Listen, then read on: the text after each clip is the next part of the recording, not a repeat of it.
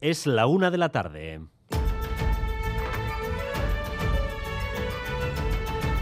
Crónica de Euskadi con Dani Álvarez. A Rachaldeón, los socialistas vascos han salido hoy al contraataque para defender el proyecto del centro de acogida de refugiados que el gobierno de España proyecta abrir en Vitoria-Gasteiz, en la antigua residencia Arana. La consejera Beatriz Artola Zábal dijo ayer que ese proyecto no encaja en el modelo vasco de acogida y que podría derivar en un gueto que alimente discursos peligrosos. Pues bien, esta mañana en Radio Euskadi, el secretario general del PSE, Neco Andueza, ha acusado al PNV de usar este tema para hacerle la campaña electoral a Artola Zábal en Vitoria y a ella misma de flirtear con la extrema derecha.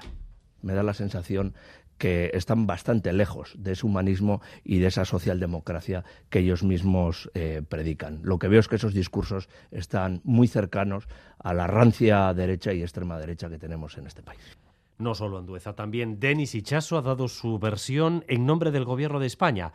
Asegura no solo que las instituciones vascas estaban al corriente de este proyecto, sino también que hace cuatro años las propias instituciones vascas les plantearon algo similar en el mismo sitio. Que hace escasamente cuatro años, desde la Endacariza a esta delegación del gobierno se le pidió la clínica Arana para habilitarla en aquella crisis migratoria que se produjo como consecuencia de la llegada masiva de pateras. Yo me pregunto si en cuatro años ha cambiado tanto el modelo de Beatriz Artolazábal. Estas declaraciones han generado un enorme malestar tanto en Lendakaricha como en el Partido Nacionalista Vasco. A la propia Beatriz Artolazábal le acaban de preguntar por ello. Eh, nosotros estamos trabajando a favor de la igualdad, estamos trabajando a favor de la inclusión y, eh, desde luego, eh, niego rotundamente las acusaciones que se nos han vertido. Ya lo ven, lo que empezó como una discrepancia entre dos gobiernos se ha transformado en una disputa entre partidos de alto voltaje. Y además, en Barcelona, a estas horas se desarrolla una cumbre de alto nivel entre España y Francia. Sánchez y Macron juntos en un ambiente de máxima cordialidad y de nuevo con la intención del presidente del gobierno de tener proyección internacional. El anfitrión es Pera Aragonés, que quiere poner también la agenda catalana en primer plano. Enviado especial a Barcelona, Miquel Arregui, Arrachaldeón. A León, sí, pero Aragonés, que ha aprovechado el saludo protocolario de esta cumbre para recordarle a Pedro Sánchez que el procés no está acabado. La sombra del independentismo sobrevuela esta reunión, donde ambos países firmarán un acuerdo de amistad y se abordará, entre otros temas, la reapertura de los cuatro pasos fronterizos que Francia mantiene cerrados en Euskal Herria. Macron se escapa a Barcelona mientras Francia está de huelga general. Sánchez insiste en trabajar su imagen internacional y en escenificar la vuelta de la normalidad entre Cataluña y España. El independentismo que orbita alrededor de Carles Puigdemont, de la CUP y de las otrora poderosas entidades sociales se manifiesta en Barcelona para decirle a Pedro Sánchez que allí no se ha terminado nada, que el proceso sigue vivo. En esa manifestación estaba también Oriol Junqueras, el líder de Esquerra, condenado por el Supremo. Pasó tres años en la cárcel. Cuando abandonaba esa marcha, le han abucheado una veintena de individuos.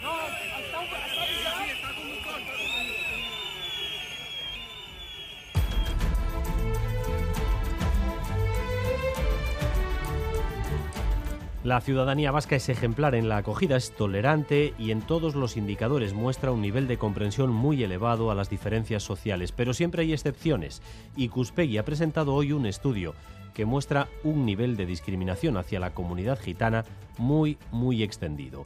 Más de la mitad de vascos y vascas no quieren compartir no ya edificio, sino barrio con personas de origen gitano. Natalia Serrano. Dura fotografía, especialmente en vivienda y educación. Menos del 40% aceptaría vivir en el mismo barrio o bloque en el que vivan muchas personas de etnia gitana. También la mayoría rechazan alquilarles una vivienda. En el ámbito laboral, casi 3 de cada 10 personas declaran que si tuvieran que contratar, evitarían o no contratarían a una persona gitana. Y casi cuatro de cada diez personas evitaría elegir para sus hijos o hijas un centro escolar en el que estudien muchos menores de etnia gitana. Remite el temporal. Las previsiones de Euskalmet se han cumplido con exactitud milimétrica y desde primera hora la meteorología afloja. Situación ahora mismo en Altuve, Xavier Madariaga, adelante. Ahora mismo nieva muy ligeramente en Altuve, eso después de un buen rato sin ver la nieve, porque desde más o menos las 9 de la mañana aquí en Altuve no ha nevado. Eso da un respiro a la amplia patrulla Quitanieves que todavía a esta hora sigue desplegada en Altuve. Aquí a la una acaba de desactivarse la alerta por nevadas, eso después de una intensa noche luchando contra la nieve. En Lecumberri, en la A15, que ha sido una encerrona hoy para cientos de conductores, incluida Natalia Díaz, a 700 metros de altura. Hace como una hora que no nieva. Natalia, ahora sí que es posible moverse por esa zona. Así es, estamos siendo testigos aquí también desde hace aproximadamente una hora, como remite este temporal, aunque la verdad que está empezando ahora a nevar ligeramente también aquí. Eh, a 700 metros estamos y va subiendo también testimonialmente, eso sí, estamos a tan solo dos grados y medio. La temperatura desde las 9 aproximadamente se vuelve a circular por la autovía de Leizarán, podéis escucharlo, aunque hasta las 11 no se ha logrado abrir sus dos carriles. En torno a las 6 de la mañana se ha tenido que cortar completamente porque las quitanieves no daban abasto con esta nevada que ha caído, una nevada que aquí nos recuerdan desde hace siete años y nos deja el interior de Guipúzcoa y Navarra completamente blanco. Esta noche todavía habrá precipitaciones, pero a partir de la medianoche dejará de llover, así que tamborrada en seco, pero con mucho frío. Pero vamos, cuando no hace frío en una tamborrada. A Negoñi, solo faltan unas horas. Sí, solo faltan unas horas y a esta hora precisamente se nos hace la boca agua solo de pensar en lo que se degustarán las mesas de los donostiarras en esa tradicional cena de la víspera del día de San Sebastián antes de las tamborradas. Es su día grande, por fin se pueden juntar amigos y familias y eso se nota en las ventas. En el mercado de la brecha hoy se trabaja a destajo. Estos son los productos más vendidos. ¿Qué más? La cococha de merluza, eh, la sopa de pescado que ya la han dejado preparada y los calamares en tinta. ¿Las angulas? El que puede también. Solomillo, entrecot, algo de cordero, pero básicamente es solomillo y entrecot. Los donostiarras a los que hemos preguntado han llenado ya la cesta de la compra para preparar la cena de esta noche. Merluza y cocochas. Pues una mediana. Compré solomillo y unas gulas y nada más. Bueno, suficiente. Pero antes de cenar en el ayuntamiento, acto de entrega de las medallas al mérito ciudadano y a medianoche sí, con la izada de la bandera, comenzará una fiesta que promete ser histórica. Siete graditos, solo siete grados ahora mismo en Donostia, siete grados también en Bilbao o en Bayona, que por cierto ha registrado una de las mayores manifestaciones de su historia en el marco de las movilizaciones sindicales en contra de la reforma de las pensiones que promueve el gobierno de Emmanuel Macron. Tres grados de temperatura en Iruña, dos grados en Gasteiz, en el tráfico ahora mismo en el corredor del Chorierri N637 a la altura de Sondica, sentido cruces.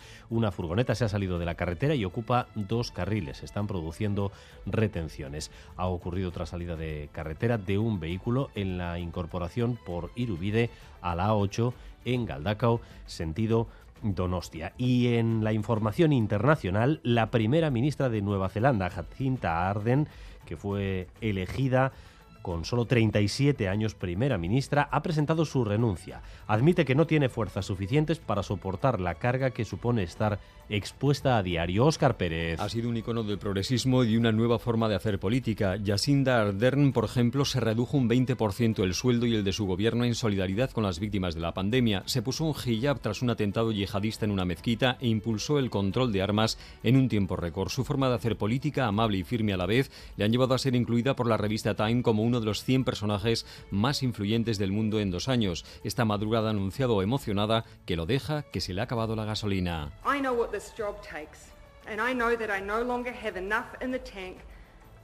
Sé lo que ese trabajo supone y tengo el depósito vacío para hacerlo bien. Es así de simple, ha dicho la primera ministra. El anuncio ha cogido por sorpresa a todo el mundo en Nueva Zelanda. Es la política más popular y mejor valorada allí y la segunda del mundo. Vamos también con lo más destacado del deporte, Álvaro Fernández Cadierno, Arracha León. Arracha León en el día después de la clasificación para los cuartos de Copa de Atlético y Osasuna y a la espera del sorteo de mañana y también con la Real saboreando su clasificación para esa final de la Supercopa Femenina del domingo. Hoy tenemos la atención puesta en el baloncesto. En Vitoria, ocho y media, un espectacular Basconia-Barcelona. Gracias un día más por elegir Radio Euskadi y Radio Vitoria para informarse. Raúl González y José Ignacio Revuelta se encargan de la dirección técnica y Aichiber Bilbao de la coordinación. Crónica de Euskadi con Dani Álvarez.